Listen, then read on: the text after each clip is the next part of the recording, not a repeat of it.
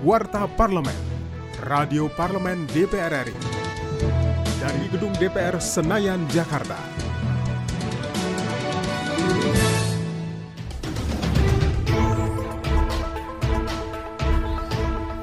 DPR RI mendorong Kementerian Komunikasi dan Informatika melanjutkan pemerataan akses internet di seluruh wilayah Indonesia harus diwujudkan seiring dengan digitalisasi di semua sektor. Hal tersebut disampaikan oleh anggota Komisi 1 DPR RI Niko Sihaan ditemui dalam Komplek Parlemen Senen Jakarta baru-baru ini. Yang mendorong pemerataan akses internet di seluruh wilayah Indonesia. Hal ini berkaitan dengan kebutuhan akses internet yang semakin tinggi, terlebih dalam masa pandemi untuk menggunakan internet sebagai sarana kerja dan usaha.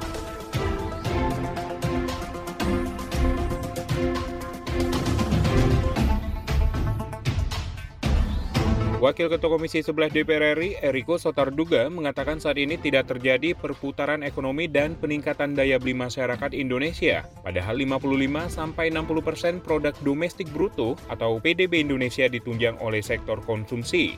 Saat di Komplek Parlemen Senayan Jakarta, ia berpendapat optimisme pemerintah harus dibarengi dengan penyerapan anggaran pemulihan ekonomi nasional. Dan ia juga berharap sektor UMKM dan korporasi harus menjadi prioritas utama pemerintah untuk diberikan subsidi langsung.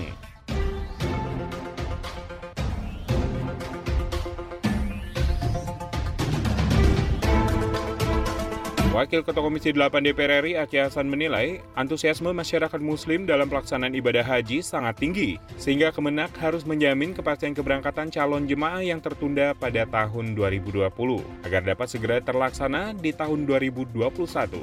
Saat di Komplek Parlemen Senayan Jakarta, ia mengatakan langkah pemerintah Indonesia tidak memberangkatkan jemaah calon haji sudah sangat tepat. Hingga saat ini masyarakat harus menunggu kepastian dari pemerintah Arab Saudi.